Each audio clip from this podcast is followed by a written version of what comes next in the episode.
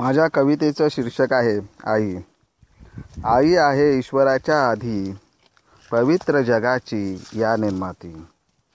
म्हणून झोकतो तिचा निर्माता ईश्वरही तिच्या चरणावरती. आई प्रेमळ प्रतिबिंब छान प्रेमा प्रेम जगाला देणारी ती. प्रेमाची मग शोभावी एक छान प्रेमळच परिभाषा ती. आई आहे शब्द पहिला बाळ नेहमीचो उच्चारतो मायबोलीत आईच्या त्या बोलायला तो तसा आई जगती गुरुप्रथमच जन्म घेणाऱ्या जीवाची ती. म्हणून जगी सारे म्हणते आई आहे गुर थोरती.